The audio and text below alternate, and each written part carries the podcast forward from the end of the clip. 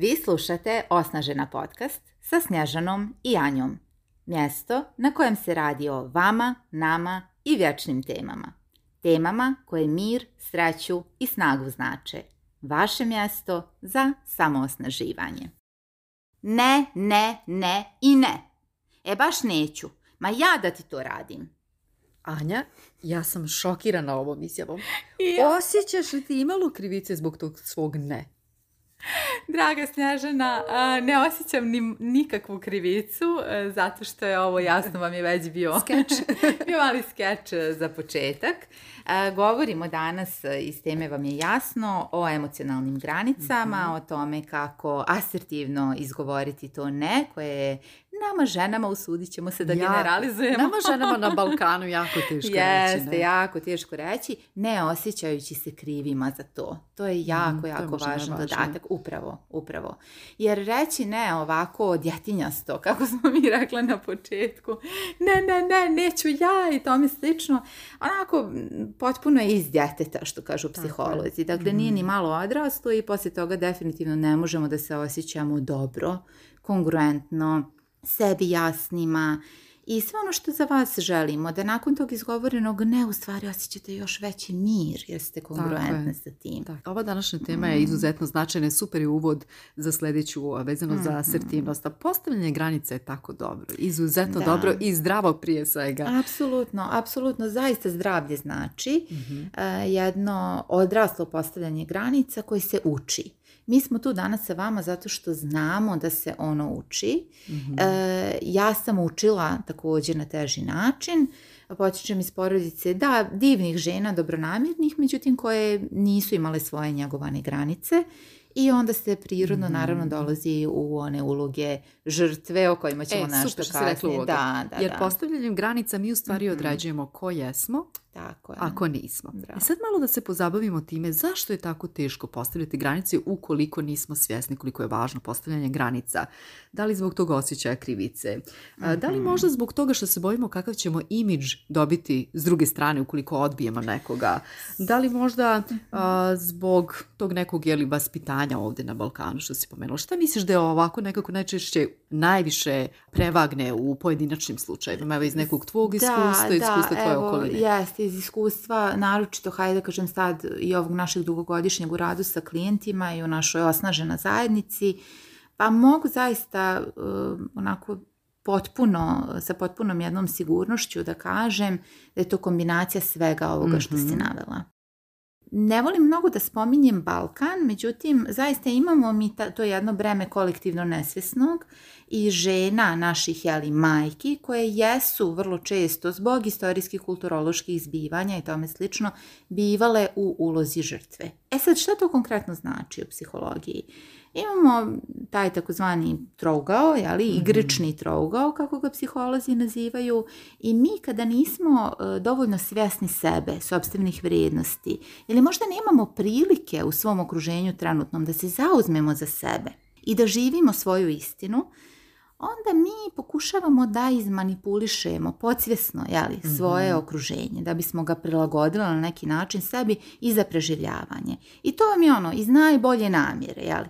Iz najbolje namjere počinjemo da se osjećamo kao žrtve. I onda ja moram ovo, ja moram ono i tako da. I ne govorimo ne. Ne govorimo ne, ne postavljamo svijetu jasno svoje granice i nama te granice bivaju sve manje i manje jasne. A mi kad smo u tom igračnom trouglu, mi neminovno i dalje nesvjesno postajemo onda u narednom nekom trenutku da li progonioci, da li spasioci. Samo se mijenjaju pozicije. Tako je, pozicije se mijenjaju, a mi ne možemo biti stalno žrtva, jer nije prirodno. Žrtva će u jednom trenutku da se pretvori u nečijeg e, progonitelja. Mhm. A progonilac će poželjeti nekoga da spasava. To vam je vrlo jasno u porodicama. Imate nekoga koji je dominantno u nekoj žrtvenoj ulozi i on će uvijek da ima preko puta sebe nekoga koga progoni, a neko treći će obično da bude spasila cijeli, da sve njih pokušava da miri. E onda spasiocu u jednom trenutku bude puna kapa, ne zna ni on šta hoće baš u potpunosti, ali od, e, nema svoje jasne vrijednosti i ciljeve i onda i on isto tako ne govoreći ovo jasno ne, ne zastupajući se za sebe i za druge asertivno, postaje preuzima neku drugu ulogu. On postaje žrtva ovog nesvjesno, Jeste, nesvjesno. Sve se tu dešava vrlo nesvjesno i nama je uvijek stalo da naglasimo bez krivljenja sebe. Zato ovaj naziv epizode, bez ikakve krivice, dakle bez krivljenja sebe, mi e, možemo da stičemo i ova znanja. Aha, nekada nesvjesno dolazimo u ulogu žrtve, nekada nesvjesno dolazimo u ulogu spasioca i tome slično. I šta sada mogu da uradim po tom pitanju? Pa, mogu da kažem ne. Mogu da kažem ne, mogu da slušam ovaj podcast, mogu da, se priključim osnažena zajednici, mogu da biram sadržaje koji će me ojačati, mogu da istražujem ovu temu, temu postavljanja granica i mentalnih i fizičkih i emocionalnih temu asertivnosti. To su teme kojima se mi rado bavimo i održavamo radionice vezano za asertivnost. Mhm. Jedan od naših modula osnaženo je asertivnost u praksi, jako važno dakle, da, u primjeni. ono što sam htjela... Samo priča o suštini ne mijenja ništa. Neće ništa promijeniti. Jeste, možete vidjeti, znate sve ovo i mnogo, da kažem, stručnije i vjerovatno i neki psiholozi slušaju. I ako vam se javilo u nekom trenutku, jer ja sam praktičar transakcione analize, vam se samo, ja vidite kako sad neko objašnjava to prepojednostavljeno ili možda šturo i slično. Ovo i jeste cilj našeg podcasta, da ovo bude jedno potpuno pojednostavljivanje znanja. Jako pitko, skroz vulgarizovano, dakle da vi možete da, da na najjednostavniji način način ispitate. Mhm. Aha, gdje sam ja sada? Dakle, gdje sam sada u ovoj poziciji i gdje želim da budem? I koji će biti najkraći put da stignem dotle? Koja podržavajuća zajednica mi je potrebna da stignem dotle? Da i ja jednom kažem ne i da to bude kongruentno da stvarno to mislim, da stvarno to želim i ne tresem se poslije toga. Tako je. I poslije toga nemam neki nepoželjen unutrašnji monolog, mhm. pa je li trebalo, pa je li nije, pa je li ovo, je li ono. Da. Nema preispitivanja. ovo, pa i ovaj mhm. podcast i ova epizoda je neka vrsta ili provokacije da vas Apsolutno. na neki način podstičemo, inspirišemo da razmišljate o ovoj temi. E sad prvo pitanje koje biste sebi mogli postaviti na svakodnevnom nivou, da li često osjećate frustraciju? Odakle dolazi ta mhm. frustracija? Da li zbog nedostatka vremena?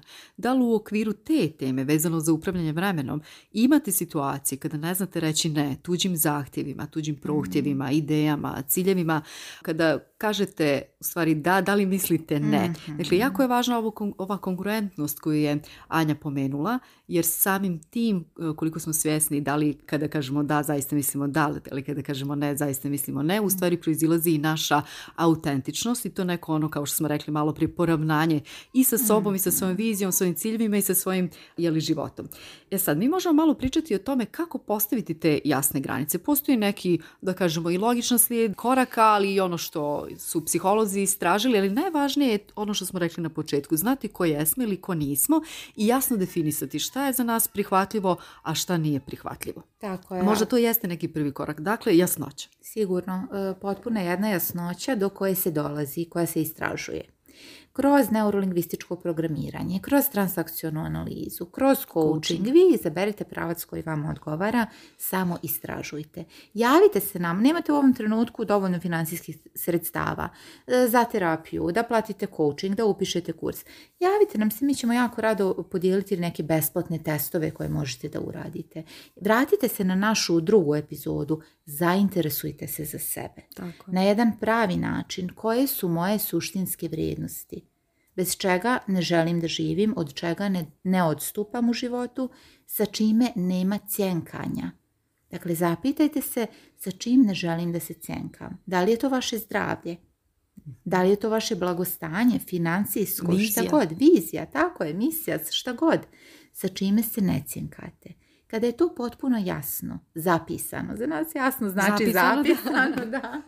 Kada je to potpuno jasno i zapisano, onda je reći ne, dolazi iz odraslog, ne iz djeteta ovog na mhm. početku, neću, neću, neću, ne, nego dolazi iz onoga, pa to jednostavno nije moje. Ja govorim ne, ne tebi, kao biću, je li... Nego tvom zahtjevu govorim. Tvom zahtjevu. Da. da to je to super, jasno. Da, da, da, da to nekako razjasnimo, pa da. da. Jer i taj osjećaj krivice će se vjerovatno sve ređi ređe mhm. pojavljivati ako razmišljate u tom kontekstu. Kada neko nešto od vas traži, zahtjeva, vi mhm. ukoliko vam ne odgovara, možete reći ne zahtjevu, ali samim tim ne, govorite ne osobi. Ako kažete ne na jedan brižan, siguran način u smislu da i dalje ostanete prijatni prema toj osobi, da je poštujete, da nastavite dalje komunikaciju, ali sasvim i lijepo kažete, na primjer, meni sada to ne odgovara, imam već zakazano, mm eventualno u mhm. zavisnosti da li vam je ta osoba mhm. bliska ili ne, možete ponuditi neku alternativu i tako dalje, ali o tome ćemo malo više u sljedećoj jeste, epizodi vezano jeste, za asertivnost. Vezano za asertivnost govorimo u sljedećoj epizodi, to su sad višednevni treninzi, naravno, Tako. vama jasno da su, da sad mi ovdje zapodijenemo neku temu, komunikaciju, otvorimo neka pitanja za dalju komunikaciju sa vama. Ovo su stvari koje se treniraju, uvježbavaju, mm. za nekoga i godinama, jer pazite, sa mojih 35 godina života, pa ja nisam mogla uh, sa 31 kao već formirana osoba i ličnost da očekujem, bilo bi potpuno suludo da za ja godinu dana budem druga osoba. Dakle, imam svoje strukture, imam svoje obrazce, imam svoje strahove i to je potpuno prirodno i kad tome pristupim onako nježno sa puno empatije prema sebi, e onda nešto mogu da uradim. Onda mogu da kažem, a dobro, koje knjige mi trebaju, koji ljudi, koja zajednica, gdje se ovo uči, gdje se ovo praktikuje, gdje asertivnost postoji u praksi i onda mogu da modelujem te ljude, da razmišljam o tome ko postajem primjenjujući ova znanja. Ko sam ja kada govorim ne potpuno kongruentno, bez pravdanja. I kako se ja osjećam sa Bez izvinjavanja. Bez izvinjavanja. Izvini, ali ne, to mhm, nije dobra formulacija. Ili ne, pa poslije toga neka bila laž. Mhm. naše tijelo prepoznaje laž i e, svaka vrsta izgovorene neistine je jako stresna za naše tijelo. Dakle, to je jako važno o tome da vodimo računa. Čini se kao naivno, kao da možda i štitimo druge i tome slično. Međutim, ukoliko to radimo sebi dugoročno, mi kako podrivamo sobstveno povjerenje u sebe i sobstveno samopouzdanje. To su opasne stvari. Dakle, e, naučeni smo da je najvažnije predstaviti se drugima u poželjnom svjetlu, a e, nismo učeni tome da je najvažnija stvar na svijetu e, biti autentičan, e, poštovati svoju jedinstvenost, svoju biti sebi atraktivan. biti sebi atraktivan. Potpunosti. Jer jedino na taj način mi u stvari možemo svijetu da pošaljemo mm fair i jasnu poruku i za mm-hmm. druge za koga jesam, za koga nisam. Tako je, i svijet to prepoznaje. Čini se da nekako na tom nekom energetskom nivou ljude ne možemo prevariti. Mm-hmm. Oni, oni ipak to detektuju. Ma naravno, neko Nije u potpunosti u skladu sa svojom istinom. Mi ćemo se kratko osvrnuti evo, na neke najvažnije korake. Kako reći del, kako reći ne u komunikaciji, kako zdravo postaviti granice. Prvi najvažniji korak je saznanje da mi u stvari nismo odgovorni za to kako će druga strana tumačiti naše ne, odnosno kako će to interpretirati. Mi smo odgovorni za ono što ćemo mi reći, dakle za naš stav, a to kako će neko interpretirati naše ne, to nije naša odgovornost. Dakle, samim tim i osjećaj odgovornost, Da, ne bi nije naša odgovornost i to je, pazite, jedno djelovanje iz ega, jedno djelovanje iz nezadovoljenog djeteta. mm šta to u stvari znači? Da mi želimo da po svaku cijenu iz nesigurnosti koju osjećamo u samoj svojoj u samom svom tijelu, u samom mhm. svom biću, nismo sebi dovoljno jasni, e, javlja se e, potreba za manipulacijom, e, mhm. za time da iskontrolišemo kako će drugi reagovati. To je jedan odraz nezrelosti i opet, kažem, sa jednom nježnošću prema sebi, svi ga imamo, svakog od nas želi mozak da zaštiti, to je divno i potpuno legitimno. Međutim, sa ovim znanjima mi možemo, imamo kapacitet da preuzmemo tu fenomenalnu odgovornost. Mhm.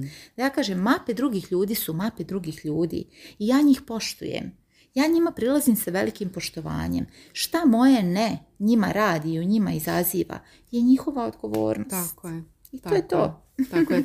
to su često one situacije kada neko ovaj, kaže, pogotovo u partnerskim odnosima, jao šta mi radiš sa ovim eh, mhm. ovakvim riječima, ovakvim izjavama, ne radi ti niko ništa, tako, nego je do tebe kako ti me napadaš. je. Ne, ja se osjećam napadnutom. Mm-hmm. Sad, Snježana, što si mi tako rekla, to ne. Na primjer, recimo, eto, i onda je ogromno oslobođenje, ogromna količina mhm. energije jednostavno mm. poteče iz našeg bića prirodno kada smo kongruenti. Kažemo ne, nije mi prioritet ili šta god. I ne odgovara mi. Ali ne odgovara mi. Je sasvim dovoljno. Mhm. Drugo zralo ljudsko biće naspram nas eh, je tu da preuzme odgovornost za sebe, da se edukuje na ovaj način, da investira u sebe.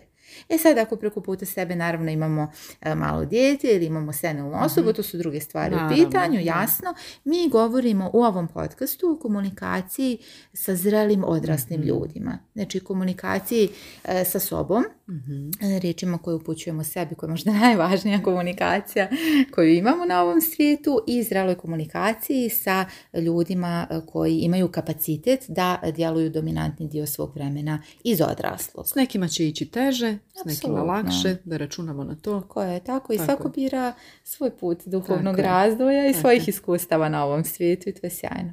To je sjajno i to je bio prvi korak. Dakle, nismo odgovorni za tumačenje našeg ne što se tiče mhm. druge strane. Drugi korak je ostati dosljedan kada kažemo ne ili da.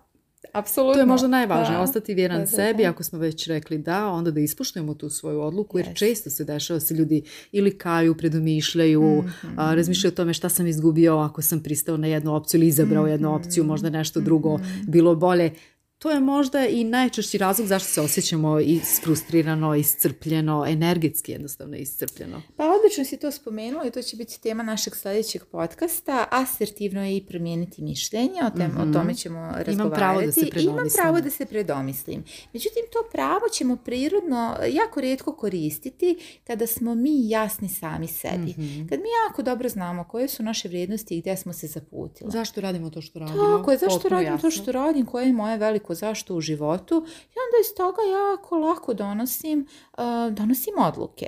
I isto tako sa poznavanjem sobstvenog mozga otprilike kako funkcioniše, mi nismo neurolozi, pazite, ali sasvim je dovoljno da znamo da naš mozak želi da se zaštiti, da želi da ostane u zoni poznatog mhm. i da smo mi tu da mu malo širimo mapu i da ga podstičemo i da sebi dajemo tu neku unutrašnju motivaciju, da je kreiramo. I kad se, evo, plastičan primjer, Snežana ja obavežemo jedno drugo i na neki novi projekat. Recimo organizacija retrita na kojem smo još uvijek u opatiji ovaj, na moru. to je jedan ogroman posao sa toliko nepredviđenih elemenata, situacija, poteškoća. Nekada čak i šokantnih. šokantnih. potencijalnih drama u kojem svaka od nas sigurno pet puta tog jednog dana uh, prošla je misao šta mi je ovo trebalo u životu. ne ulazim u snježnu glavu, ali znate, to je to, toliko količina i posla i nepredviđenih situacija. Međutim, ti misli tako nekako protiču kroz nas. One se jave i prođu. Zašto? Zato što mi imamo svoje mhm. veliko zašto. Koje je mnogo jače. Mnogo jače. mm Mi smo donijele tu odluku. Odraslo, zrelo, obavezala se jedna drugoj, strateški. Znajući da ćemo tako, da će tako te misli koje nisu produktivne, nisu mhm. poželjne, ne trebaju nam i tu su samo da bi nas mozak zaštitio. Mhm. A uz to što nas štiti, naravno, uskraćuje nam i fenomenalna prelijepa iskustva. da, e, kada sve to znamo, pa onda to s takvom lakoćom govorimo da, mhm. govorimo ne, potpuno mhm. konkurentno. Mhm. Stvarima koje nam remete fokus govorimo ne, bez da uopšte... Da, vrlo brzo, vrlo brzo se ta licitacija. ovo može, ovo ne može, ovo da, ovo ne. Kao na nekoj listi, samo, samo skidamo ili dodajemo. Tako da, da. E, jako je važno znati dakle, svoje ciljeve, svoju viziju, svoje prioritete i onda nam je lakše postavljati granice. Sljedeći korak nakon dosljednosti bi e, bio preuzimanje odgovornosti i za postavljanje i za ne granice odgovornosti u smislu, ako nismo postavili granice, preuzmi odgovornost za osjećaj koji imaš sada. Apsolutno, odlično. Za sebe i pozabavi se time kako sljedeći put može biti bolje. Također i kada kažemo ne, ok, da razmišljamo o posljedicama tog ne i da preuzme odgovornost u smislu možda će se neki odnosi neću reći pokvariti, ali možda prorijediti u smislu viđanja i tako mhm, dalje. Mhm, mhm. Sve što bi možda na neki način moglo uticati i promijeniti stanje, ok, na miru smo s tim, preuzimamo odgovornost ili dio odgovornosti i pa usklađena sam s tim. Neka jem se, ne razmišljam o tome u smislu što mi je to trebalo, možda sam trebalo drugačije i tako dalje. Super si to objasnila, nemam šta da dodam, evo samo kupljeno. neka. kupljeno.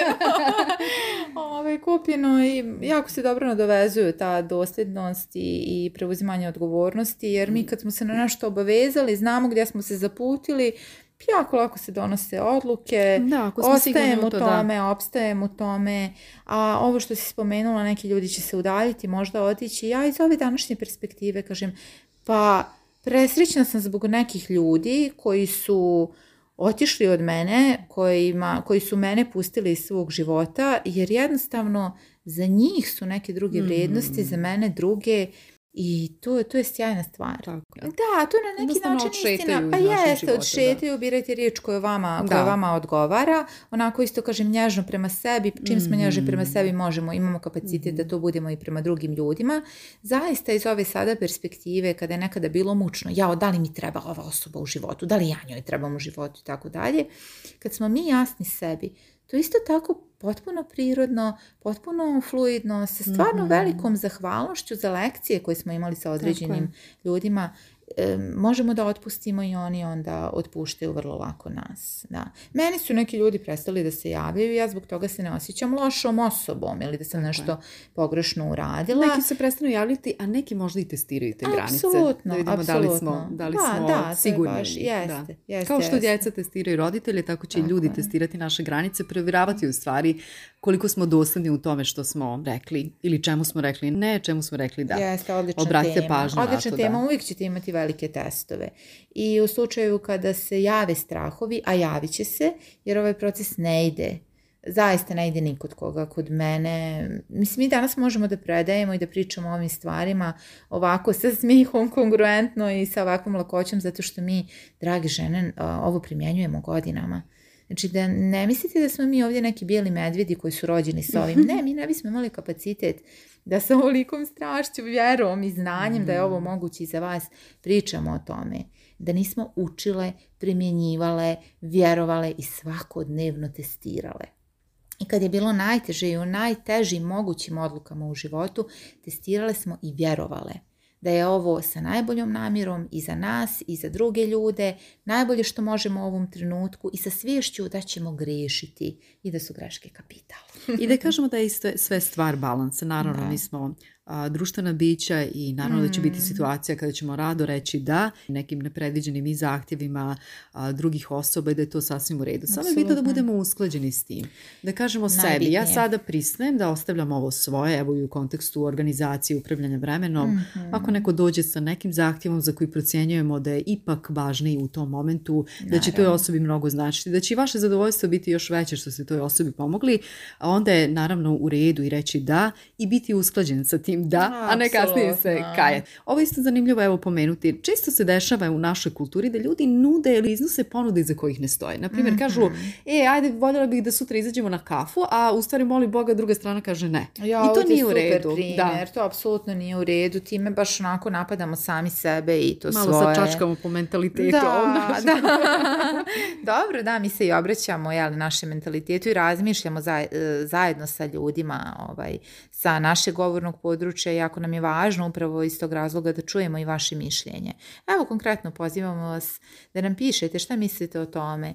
A, zovem te, idemo na kafu, kako se vama to čini, da li je to uopšte potrebno, ima li to neke posljedice, mhm. ta poruka koju šaljemo sami sebi.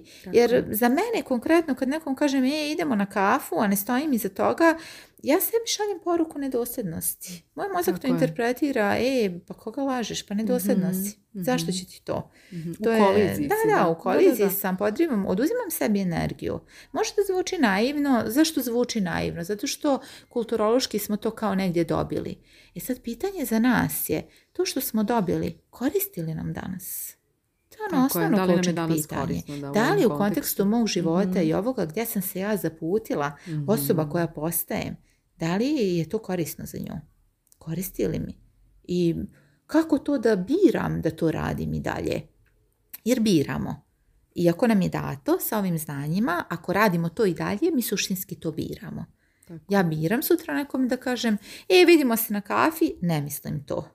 Dakle, biram, preuzimam odgovornost i onda mogu da mjerim tu emocionalnu temperaturu, jeli, odnosno mhm, svoju zrelost. Kako se osjećam, da. Gdje sam. I onda iz toga, pazite, iz toga proizilazi sve, koliki kapacitet imam za kvalitetne ljude u svom životu, kvalitetne veze, mm-hmm. za količinu novca koji ću da zarađujem. Mnogo to stvari Da, da, preslikava se na mnogo polja. Iako na prvu ne izgleda tako, ali, ali i tekako utiče. Nekako da raširi pipke na sve, skroz, sve skroz moguće oblasti. da, budite pažljivi s tim, mhm. razmišljajte o tome i polako, evo, privodimo kraju, a ovome može da se priča, je mnogo dobre teme i sigurno ćemo se vraćati ovome još. Jeste, posebno iz ovog našeg predivnog okruženja, mnogo smo inspirisane.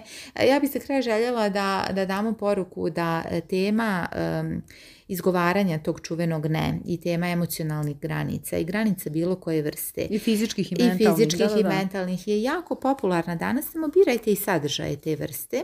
Mhm. E, birajte jako pomnom svoje edukatore, birajte svoje okruženje. i to je postavljanje granica. To je jako važno postavljanje granica. E, reći ne nekim edukacijama o ne, o ne. također jako asertivno, jer danas stvarno postoji opsjednutost edukacijama ali sa ovog polja. Kako kako da ja ne prokrastiniram, kako da ja e, svima odreda govorim mm. ne. E, najvažnija stvar na svijetu je da ste vi kongruentni sa svojim da i sa svojim ne. Tako je, tako to je. to. I za kraj, dakle, taj odabir šta učiniti, a šta preskočiti dolazi kada hmm. osvijestimo svoju viziju, svoje ciljeve, svoje prioritete. Onda je sve mnogo lakše. Onda je sve divno. Onda sve teče kao rijeka. Hvala draga Anja. Mi se slušamo u sljedećoj epizodi asertivnost u praksi. Srećno! Srećno.